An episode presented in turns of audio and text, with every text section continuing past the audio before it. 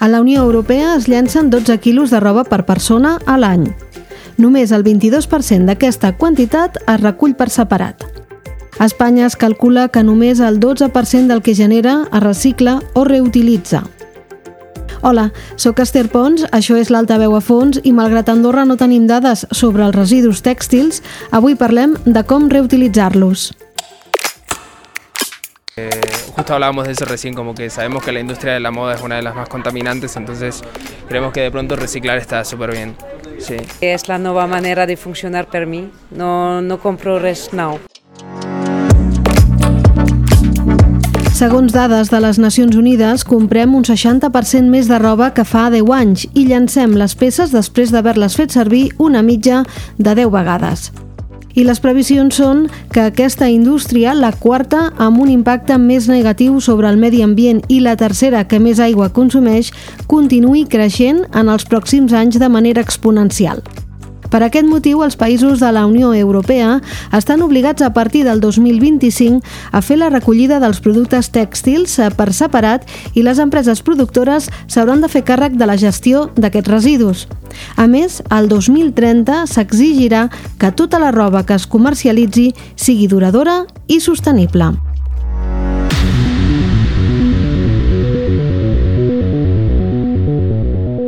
En aquest context, comença a ser tendència la moda de segona mà i Andorra sembla que també va agafant força.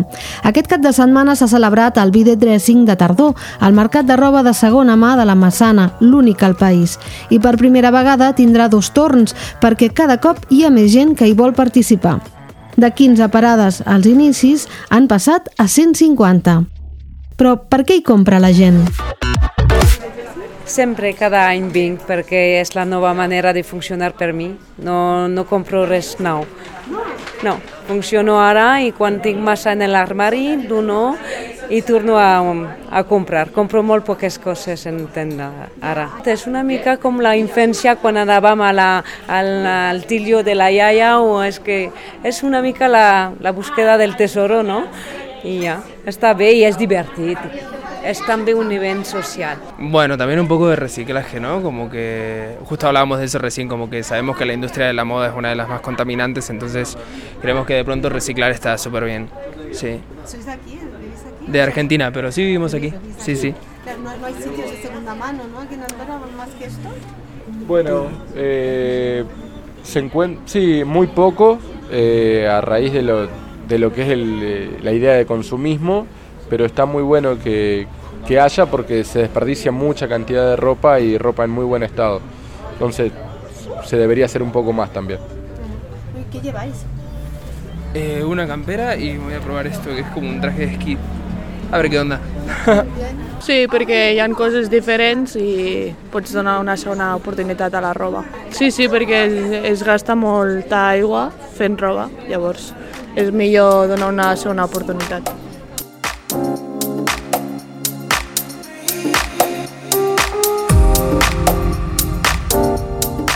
La Mercè Miguel és llicenciada en Història i Organització d'Esdeveniments i Protocol. Durant molts anys es va dedicar al món de la moda i gairebé des de l'inici col·labora amb el videodressing de la Massana. Jo vaig, jo vaig viure a Barcelona el, el boom de les personal shoppers, de les assessores de matxa, dels estilistes i de més, i ja quan vaig arribar aquí, aquí a Andorra doncs aquest boom havia, com, havia rebaixat no? d'intensitat i, i res, quan portava un, un any aquí a Andorra, l'Aimma Jiménez, la directora de turisme del Comú de la Massana, eh, em va contactar amb mi perquè tenia una iniciativa molt, molt embrionària d'unes noies no? que li havien demanat una sala, la sala de la closeta, per un dissabte, si no recordo malament, per muntar el que avui és el videodressing. O sigui, va, va començar, ja et dic, eh, una mica així molt puntual. I bueno, la, les, la, les primeres noies doncs, ho van fer-ho molt autònomament, eh? el, el Comú els hi va oferir un espai i poc més.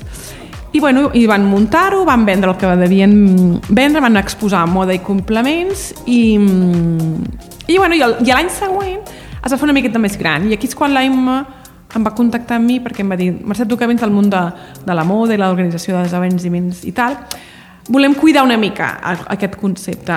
Ella va, diguéssim, va apostar per un, per un producte o per un, per un esdeveniment, ja dic, dic totalment eh, espontani, però va, ella devia veure alguna cosa allà. Jo estic segura que l'Emma és una persona molt intuïtiva i devia veure que allò, que allò podia sortir algo, algo xulo. Jo dubto com a mínim jo no m'esperava eh, aquest creixement eh, exponencial. Vull dir, jo crec que en cap de les dues ens ho vam plantejar, però sí que vam pensar les dues a dir, bueno, ja que es fa alguna la Massana sobre eh, venda de segona mà, fem-ho bé, fem-ho maco, perquè no es converteixi en un mercat allò al terra amb quatre coses per, per, per, per trencar una mica la imatge de mercadillo en el sentit de, eh, de, de poca organització i poca estètica. El primer cap de setmana d'aquesta edició de tardor ha servit per tornar al mercat 5.000 articles, un fet que demostra que hi ha interès. Portem 9 anys amb el videodressing i et vam començar, jo crec que em vaig incorporar amb 15 o 16 parades i aquest any en 150.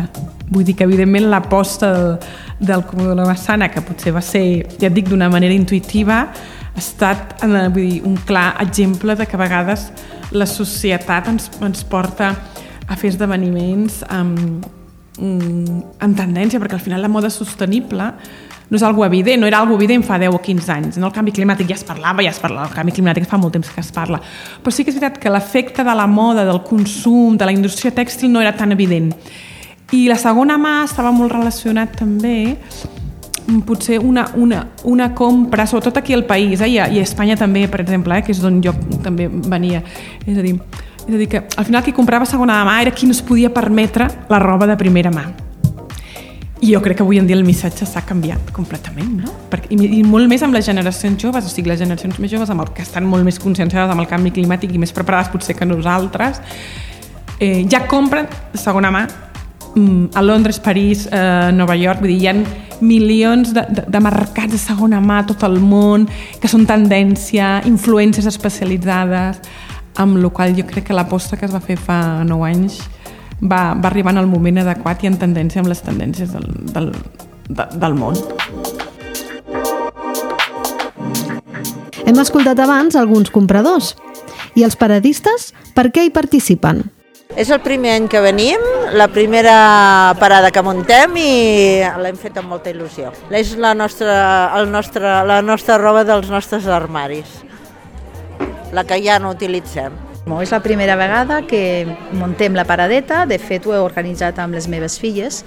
Eh, teníem roba que feia temps que no ens posàvem i vam decidir que si hi havia dues temporades que no ens posàvem alguna peça, l'anàvem posant de costat i li donaríem una segona vida si aconseguíem una parada, que també hi ha una dificultat en aconseguir-la perquè cada cop la gent està més conscienciada de que hem de reciclar i reutilitzar i l'objectiu és eh, que la roba tingui una segona vida i els preus són de 2, 5, 10 i 15 euros.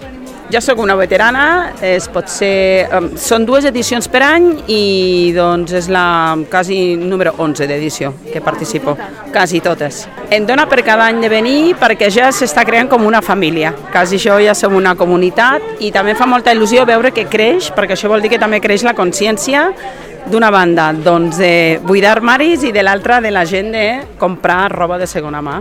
Que si Hola, no Esther. Hola, què tal, Esther? que com està Esther, anant Esther. aquest dia?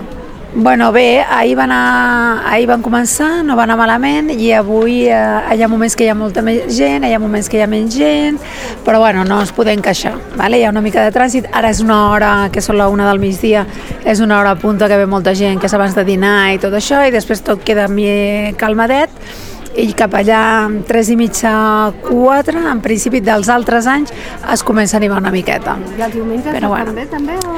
Els diumenges ve tothom a buscar la última ganga de ganga de ganga. Ah. el preu rebaixat, rebaixat, rebaixat, o sigui que, que bueno, el diumenge al matí també. Escolta, sí. no pareu per dinar? Doncs no, quedem aquí a la parada, on si tens algú que te vingui a fer el torn del dinar, doncs bueno, deixes algú i vas a dinar i tornes, però si no ho fas tot de, de tirada fins al, fins al tancament. Vols que portin entre Mira, me'ls he portat fets, moltes gràcies. Amb una d'elles, l'Ester, hi van parlar més a fons abans del mercat per saber què hi ha al darrere de tot plegat. Ha heretat el gust per la moda de la seva mare. Bueno, mira, és una cosa que ho porto des de casa. La meva mare és una fanàtica del tema moda i tot això, per tant, eh, tant la meva germana com a mi ens ho ha inculcat, inclús el meu germà, ens ho ha inculcat a tota la família i la veritat que és algo que sempre ens ha agradat i és veritat que la meva mare ens ha culturitzat, si es pot dir d'aquesta manera, sobre aquest tema. Des de l'estir, la manera de portar alguna cosa, el preu de la roba, el teixit de la roba, eh, si és un teixit o és un altre, tot això, com et queda, com et senta millor una cosa o una altra, tot això, tot això és la... he de dir que és la meva mare. és veritat.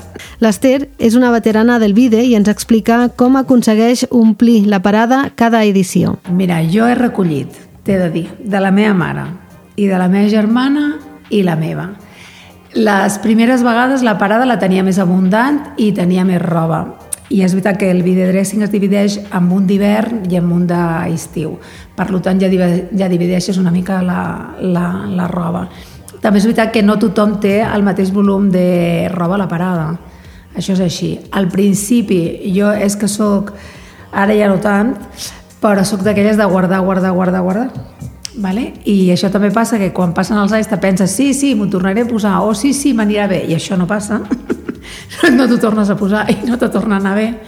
I llavors és veritat que he aprofitat a vendre molta cosa que tenia que de talla no m'anava bé. Això, això és veritat. Eh, les primeres vegades ho he fet així i després altres vegades ho he fet compartint la parada.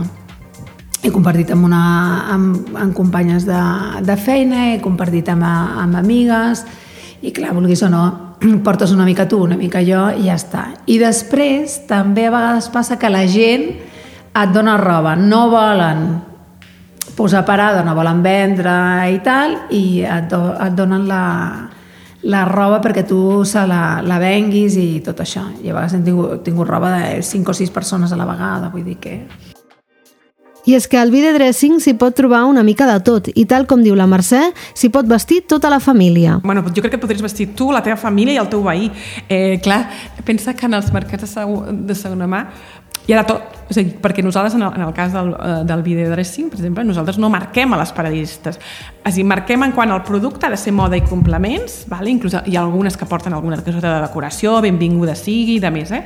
moda i, comple i, i complements, marques les que vulguis, preus els que vulguis, l'únic que demanem és que estigui en bon estat i cuidat D'acord? Perquè així, evidentment, doncs el producte es llueix, es llueix més ben etiquetat, ben col·locat, ordenat, perquè això ajuda també a tenir una millor visió de, del producte, però clar, és que et podries vestir tu, podries vestir a la teva parella si en tens, uh, bueno, és que anava, podries vestir el teu, el teu gos, hi ha persones que ens porten productes uh, de les seves, dels, dels seus animals, per tant, uh, hi ha de tot, hi ha de tot, i tenim des de Louis Vuittones fins a productes de Zara, vull dir que no tenim tampoc un tipus de parada exclusiu, que em diguis, és que només tenim parades econòmiques o només tenim parades eh, cares. És que tenim de tot, però clar, són 150 paradistes, 50 persones diferents, amb armaris diferents, que viatgen o no viatgen, que, que, que, que els agrada la moda més o menys, o altres que no és que els apassioni, però això de, de treure's coses de l'armari pues, sempre, sempre va bé, uh, moltes parades són solidàries,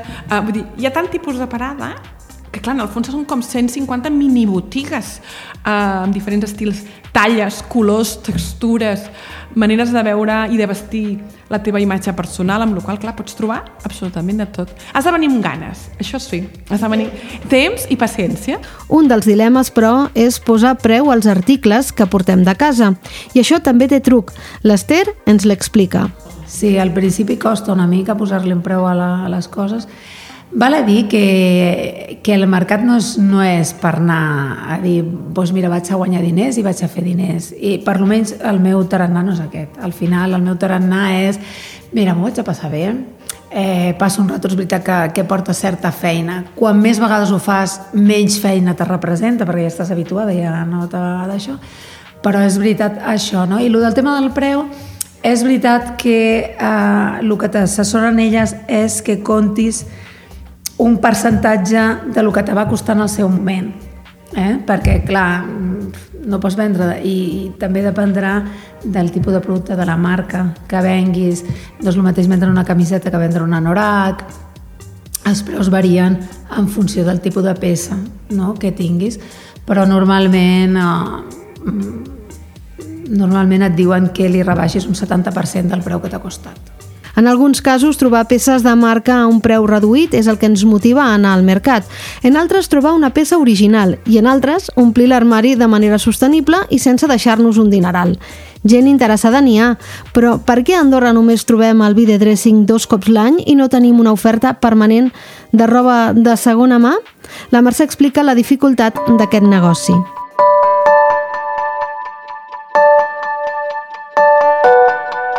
Pensa que jo crec que la segona mà ha nascut molt arrel dels mercats, el mercat, el, per exemple, el mercat de segona mà de Camden a, a, a Londres va sortir d'uns mercats, o sigui, de, de, d'uns mercats, bueno, i encara existeix. Llavors, és evident que no és un producte que es pugui alinear amb els lloguers o amb, les, diguéssim, amb, els, amb la manera de treballar dels, del botiguer tradicional. Llavors, clar, això, això és un, és un hàndicap. Però aquesta tendència que els consumidors en volen i que és una aposta de, és a dir, és una aposta d'un tipus de, de compra de moda diferent, és evident. El que no tinc gaire clar és que els lloguers dels locals permetin a muntar botigues de segona mà. Uh, clar, hem de pensar que el marge que un, un botiguer de, de segona mà té sobre un producte no és el mateix um, que el d'una marca, d'una botiga tradicional. Llavors, clar, si tens un lloguer altíssim, és, és impossible fer-ho. Llavors, realment, um, s'hauria d'apostar per un tipus de lloguer de botiga diferent, perquè ja et dic, un, el producte de segona mà és molt, molt complicat. Primer perquè clar, tu no pots, o sigui, tu selecciones, no?, perquè les persones que s'hi dediquen plenament, que en, primer han de viatjar molt, perquè no trobes els productes a la, a la, a la, a la cantonada de casa, has de viatjar molt, has de buscar productes interessants, d'altres països exòtics, marques i de més. Llavors això implica un, uns desplaçaments que, que no és anar a una fira a París, compro la meva, la meva eh, o sigui, sota mostruari i m'ho envien a casa. Funciona molt diferent, funciona, ja et dic, com diguéssim, realment el, el, que, el que té una botiga de segona mà és un call hunter, perquè és el que busca en aquell lloc que troba i de més. Llavors, eh, clar, necessitarien uns lloguers assequibles de, de, de locals per poder apostar realment.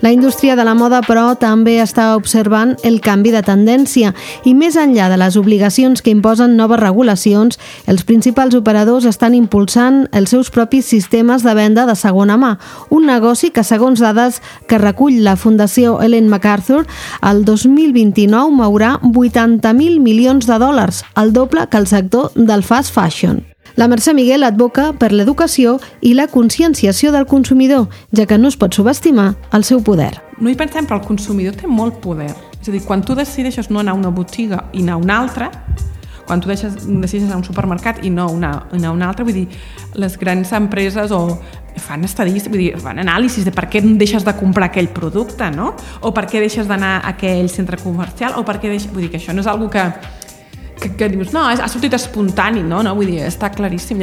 I, és a dir, en els últims anys, per exemple, les grans cadenes de moda, és el, el que tu dius, eh, de, de fast fashion, s'han dedicat a introduir les seves col·leccions, no sé si amb objectius de greenwashing o no, amb productes que si amb polièster reciclat, que si amb, amb etiquetes verdes, vull dir, mm, n'hi ha moltes ja. Per tant, quan, ell, quan les grans empreses ja van dedicant parts de les seves col·leccions o càpsules, etc etc cap a aquesta, cap a aquesta banda més més respectuosa amb el medi ambient, que s'hauria de veure exactament si ho són o no i en quin grau són, eh?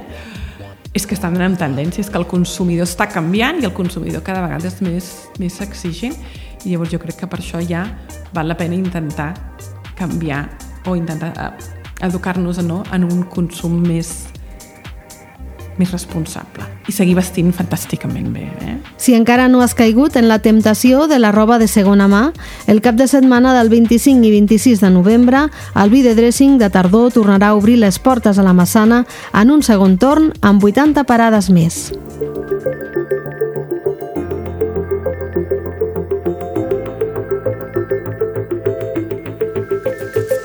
Això ha estat l'Altaveu a fons. Aquest episodi ha anat a càrrec de qui us parla, Esther Pons. Espero que us hagi agradat. La setmana vinent tornem amb més històries.